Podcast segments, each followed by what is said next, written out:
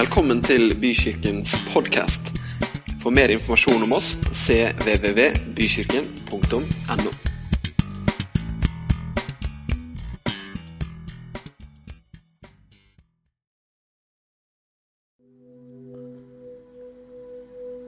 Den eh, gamle disippelen har satt seg.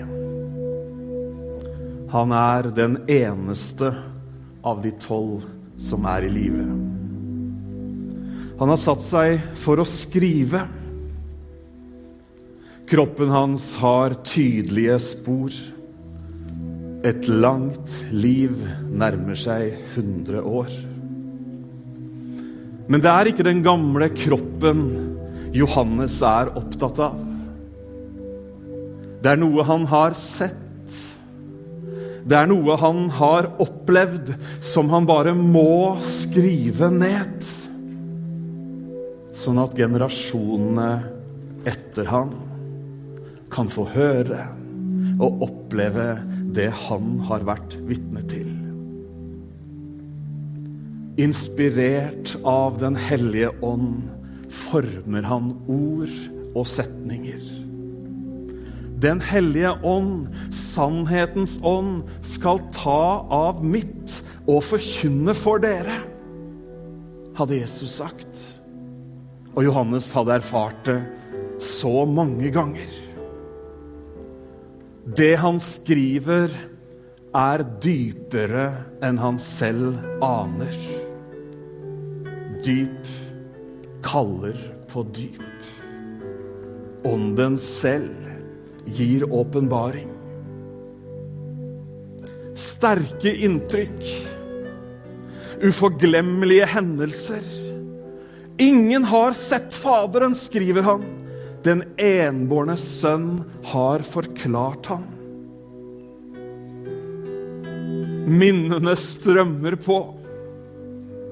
Levende bilder med mennesker som får møte Guds sønn. Mektige tegn, under, mirakler.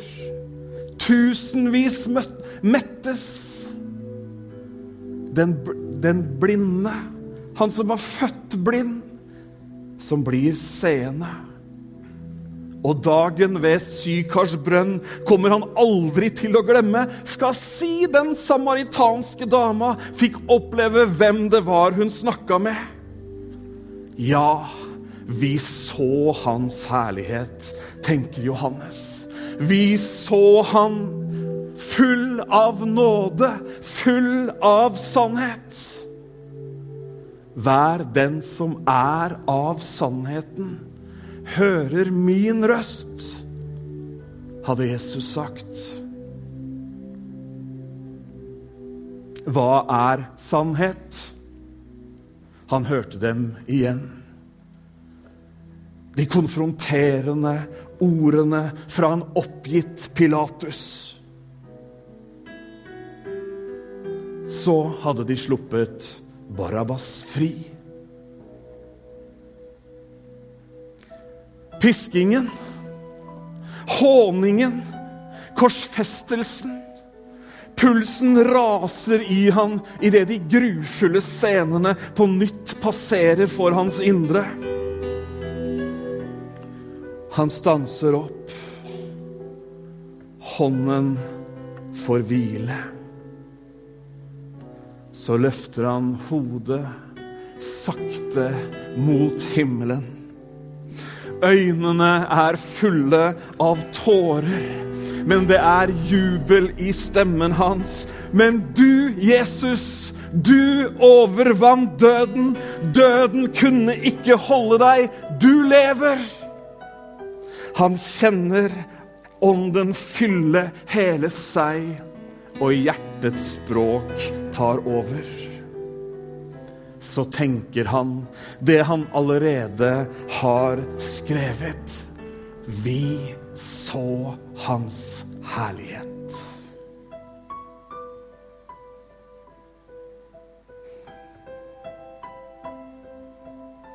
Skal vi be sammen? Kjære far. Takk at du viste oss hvem du er. Vi ber i dag om at du skal la oss få se mer av deg. Og ved det bli gjort mere og mere lik deg. Amen. Amen.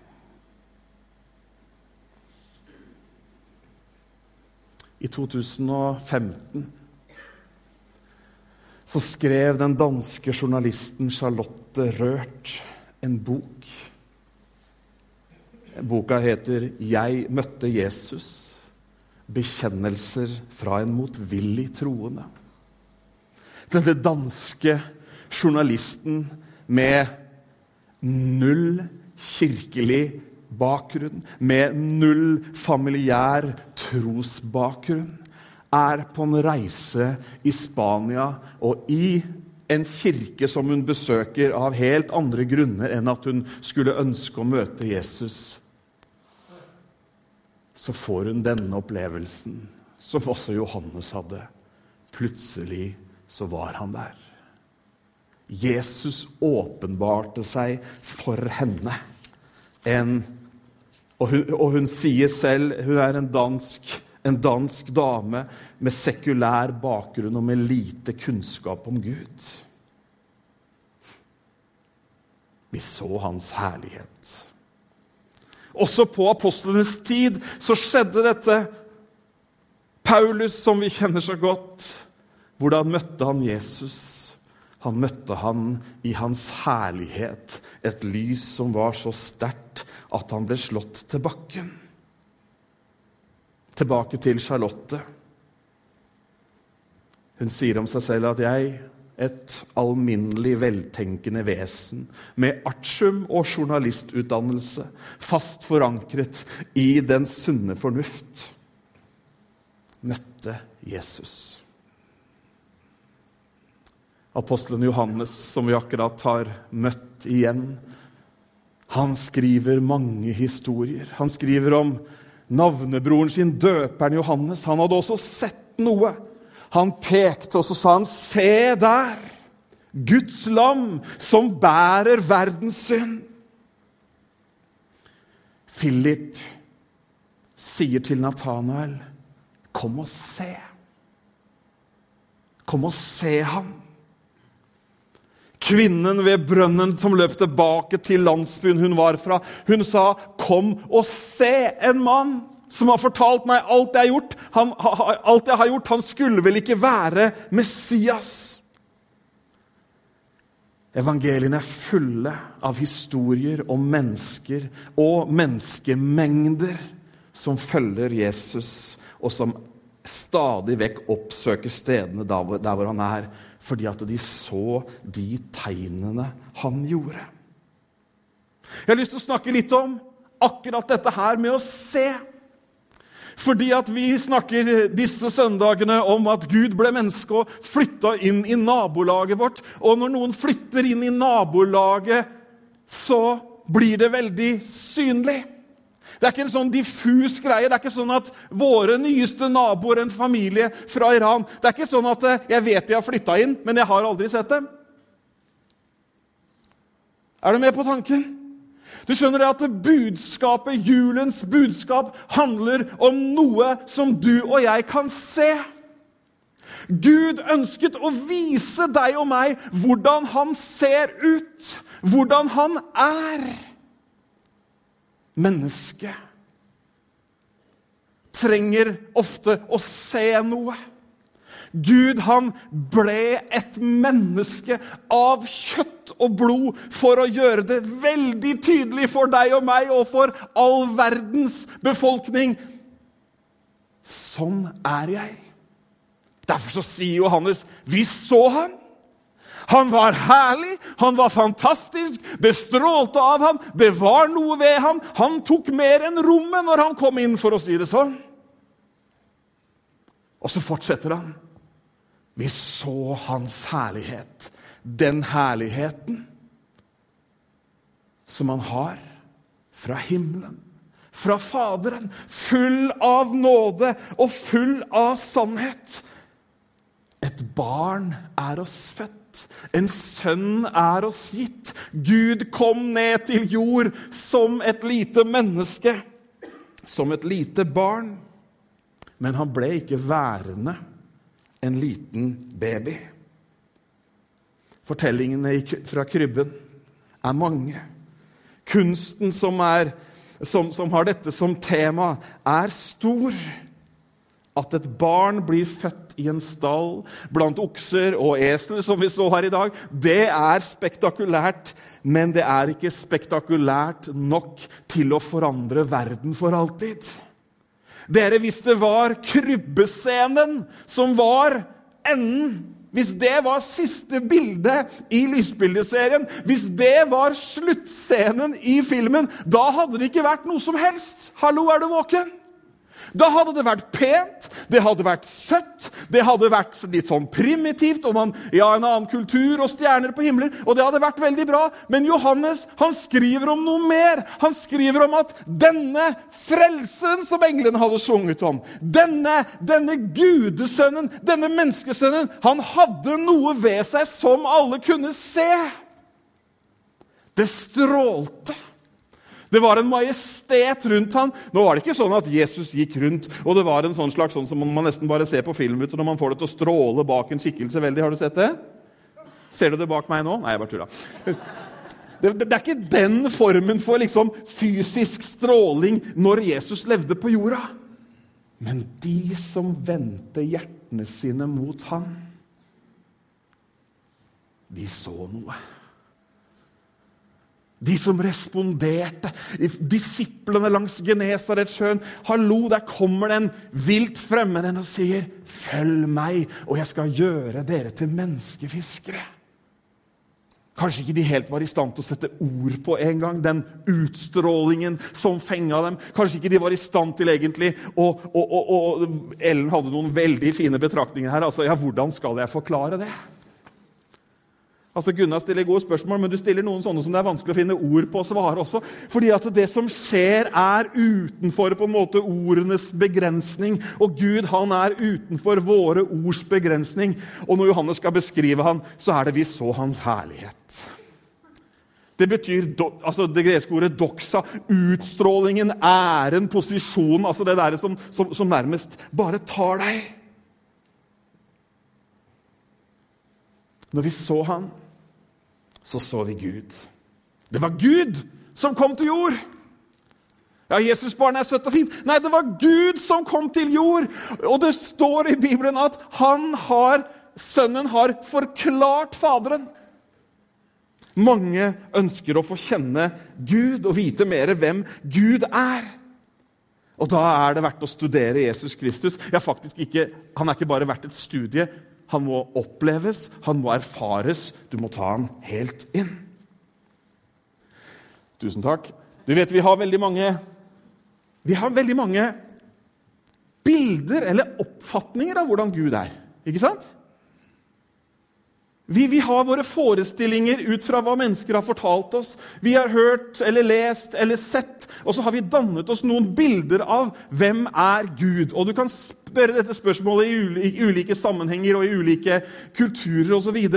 Men du skjønner, det som er så fantastisk, er at Gud han tenkte ikke at det skulle være sånn at vi skal gå rundt og lure på mysteriet Gud. Ja, hvordan er Gud, da? Og så har vi liksom kommet dit Jeg fikk aldri drukket det vannet. Selv om jeg trengte det. Ja, det skal man si. Men du skjønner at Gud han har vist hvem han er. Han vil at du og jeg skal vite hvem han er. Mange har gjort troen sin veldig mystisk. Og de har nesten gjort det mystiske i seg selv til troen. De har nesten gjort Gud til noe mystisk fordi det er fint å snakke om noe mystisk. Fordi noe mystisk er noe ikke vi helt vet hva er. Og det er så fint å ha noe der ute som ikke vi helt vet hva er. Er du med på tanken? Og når noe er mystisk, så får vi evnen, da får vi liksom tillatelse til å fullt og helt definere hvordan dette mystiske er. Og hvis Gud blir definert som noe mystisk, så blir plutselig Gud redusert til å bli den som vi sier at han er. Ikke sant? Og da er Gud mye rart. Da er skaperen i himmelens og jordens herre. Da kan han være alt, for da er det du i din mystiske tilnærming til Gud som definerer hvem Gud er. Noen tenker at det er sånn Gud er. Det er ikke sånn Gud er. Det er ikke sånn at Gud han tenker jeg skal gjøre meg litt mystisk. Jeg skal være litt sånn tilbaketrukket. Jeg skal sende ut noen gåter, og så kan de selv finne ut hvor jeg er. Og så kan menneskene gå rundt og si For meg er Gud sånn. For meg er Gud sånn. Jeg syns at Gud er sånn, jeg. Dere, Jeg prøver ikke å forenkle Gud i det hele tatt, men jeg prøver å si at vi så sønnen hans fysisk på denne jorda, og han har vist oss hvem Gud er. Så skal jeg forte meg å skyte inn til de av dere som trenger filosofisk påfyll, at ja da, det finnes dybder i Gud som du og jeg ikke har skjønt. Er du med på det? Det finnes sider ved Gud som vår, intellektuelle begrensning ikke kan favne. Det gjør det. Men grunntonen, hovedbudskapet i fred på jorden og Guds velbehag til alle mennesker, frelseren er født, er at Gud kommer ned og viser hvordan han er, for at du og jeg skal få se han og bli kjent med han. Det er jo gode nyheter, da! At himmelens og jordens skaper, at den mektigste i hele universet, han kommer og viser hvordan han er, sånn at du og jeg kan bli kjent med han. Han vil at vi skal se noe. Og det andre han vil du skjønner, Johannes han sier det, ja, vi så herligheten hans. Du vet, Det er jo én ting å se et bilde. Det er jo fint å se et fint bilde. Men det er jo noe annet å på en måte liksom, ikke bare se bildet, men oppleve det som bildet viser.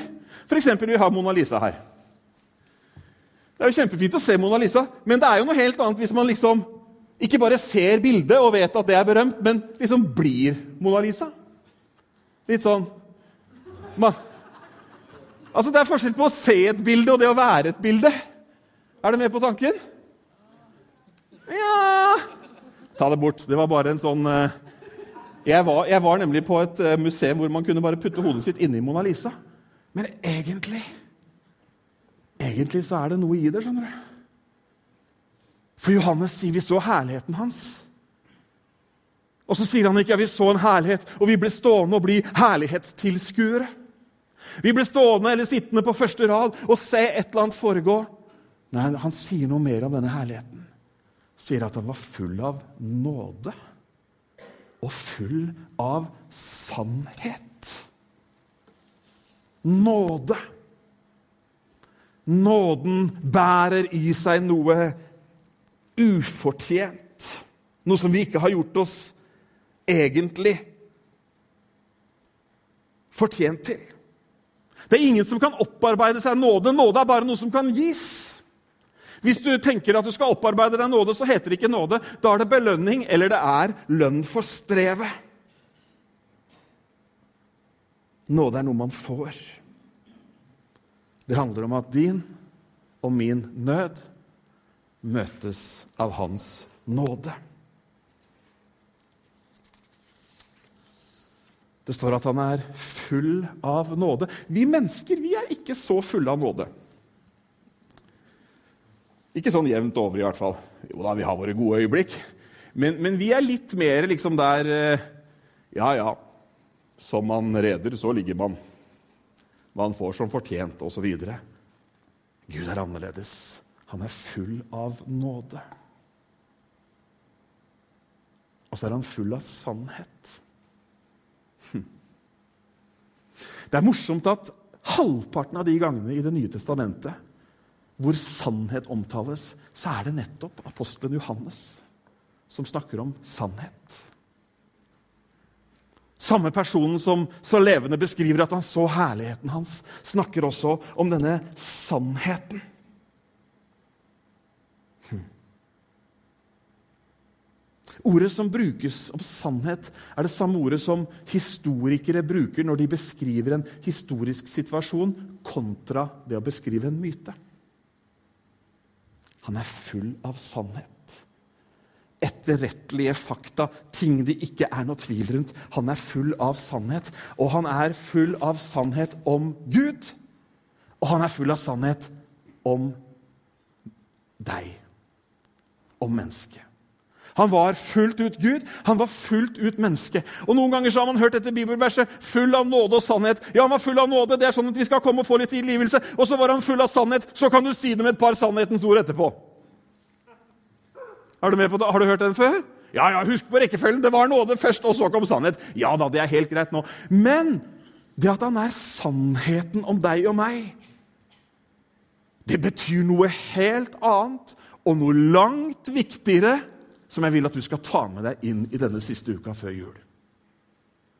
Det står nemlig at vi Skal vi se Det står nemlig i Romerne om at vi, altså du og jeg, som tror vi skal bli likedannet, eller vi skal bli gjort lik Jesus. Det står et annet sted at han er den førstefødte blant mange brødre. Og Det som er viktig å forstå, er ikke bare at han kom og sa noen sannhetens ord, men det er at Jesus Kristus han er som den storebroren som du og jeg ligner på. Etterfølger, arver klær fra og har samme rettigheter som. Hallo? Han er den sannheten som du og jeg ikke bare kan ha som en sånn opplest og vedtatt sannhet i livet vårt. Nei, han er, han er eksempelet til etterfølgelse.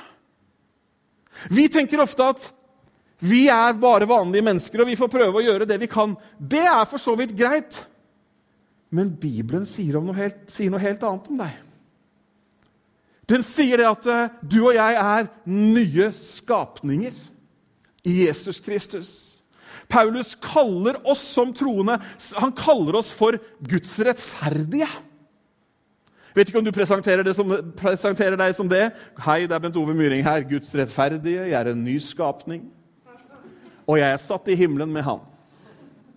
Ja, det kan vi le av, men det er jo det er denne sannheten Hallo, Det er denne sannheten Johannes snakker om, snakker om. Han snakker ikke om en empirisk sannhet. Han snakker om denne sannheten at hver den som tror på Han, blir frelst. Han snakker om denne sannheten om at den som har Sønnen, har livet. Vi så hans herlighet. Full av nåde, full av sannhet. Hm. Tenk på det når du studerer Jesus. Han er sannheten om Gud. Tenk på det når du studerer Jesus. Han er sannheten om deg. Han kom for å vise hvordan Gud tar imot og aksepterer deg som menneske. Og Derfor så er det dype åpenbaringer i Skriften. Derfor så er det, det er sannheter som påvirker livet, oss, livet vårt helt utrolig. For det er veldig forskjell på å regne seg selv som et nytt menneske, død for synden, kontra det å være et menneske som forsøker å flikke på utfordringene sine. Er du med på tanken? Han er sannheten. Han er sannheten om deg. Han er forbildet. Han er ledestjernen. Han er eksempelet. Når Jesus kom, så begynte det noe nytt. Derfor er han den første av mange brødre og søstre. Og det er oss. Vi skal be sammen. Skal vi reise oss opp?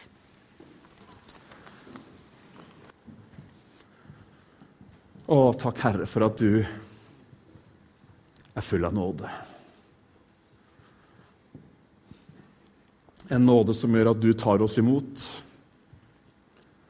selv om vi ikke fortjener det. En nåde som gjør at du strekker ut din frelsende hånd, selv om ikke vi har tatt oss sammen i det hele tatt. Herre, jeg ber om at den du er, skal bli så synlig for oss. Jeg ber om at vi skal få se hvem vi er på grunn av at du kom til jorda. Jeg ber om at du skal vise deg på nye måter. Jeg ber, Herre, for de som har gamle opplevelser eller gamle åpenbaringer, som kjenner at dette her blir fort ord som jeg har hørt før, eller som jeg tror jeg har hørt før. Herre, jeg ber om ny, nye, friske opplevelser. Noe å se. Noe å oppleve. Noe å kjenne inni seg. Den følelsen som Ellen fortalte oss så levende om, at man bare vet. Vis deg på nytt. I Jesu Kristi navn. La oss få se deg i din herlighet. Full av nåde, full av sannhet. Og la sannheten om deg være sannheten om oss, sånn at vi kan leve liv hvor vi stadig blir mer og mer lik deg. Amen. Amen.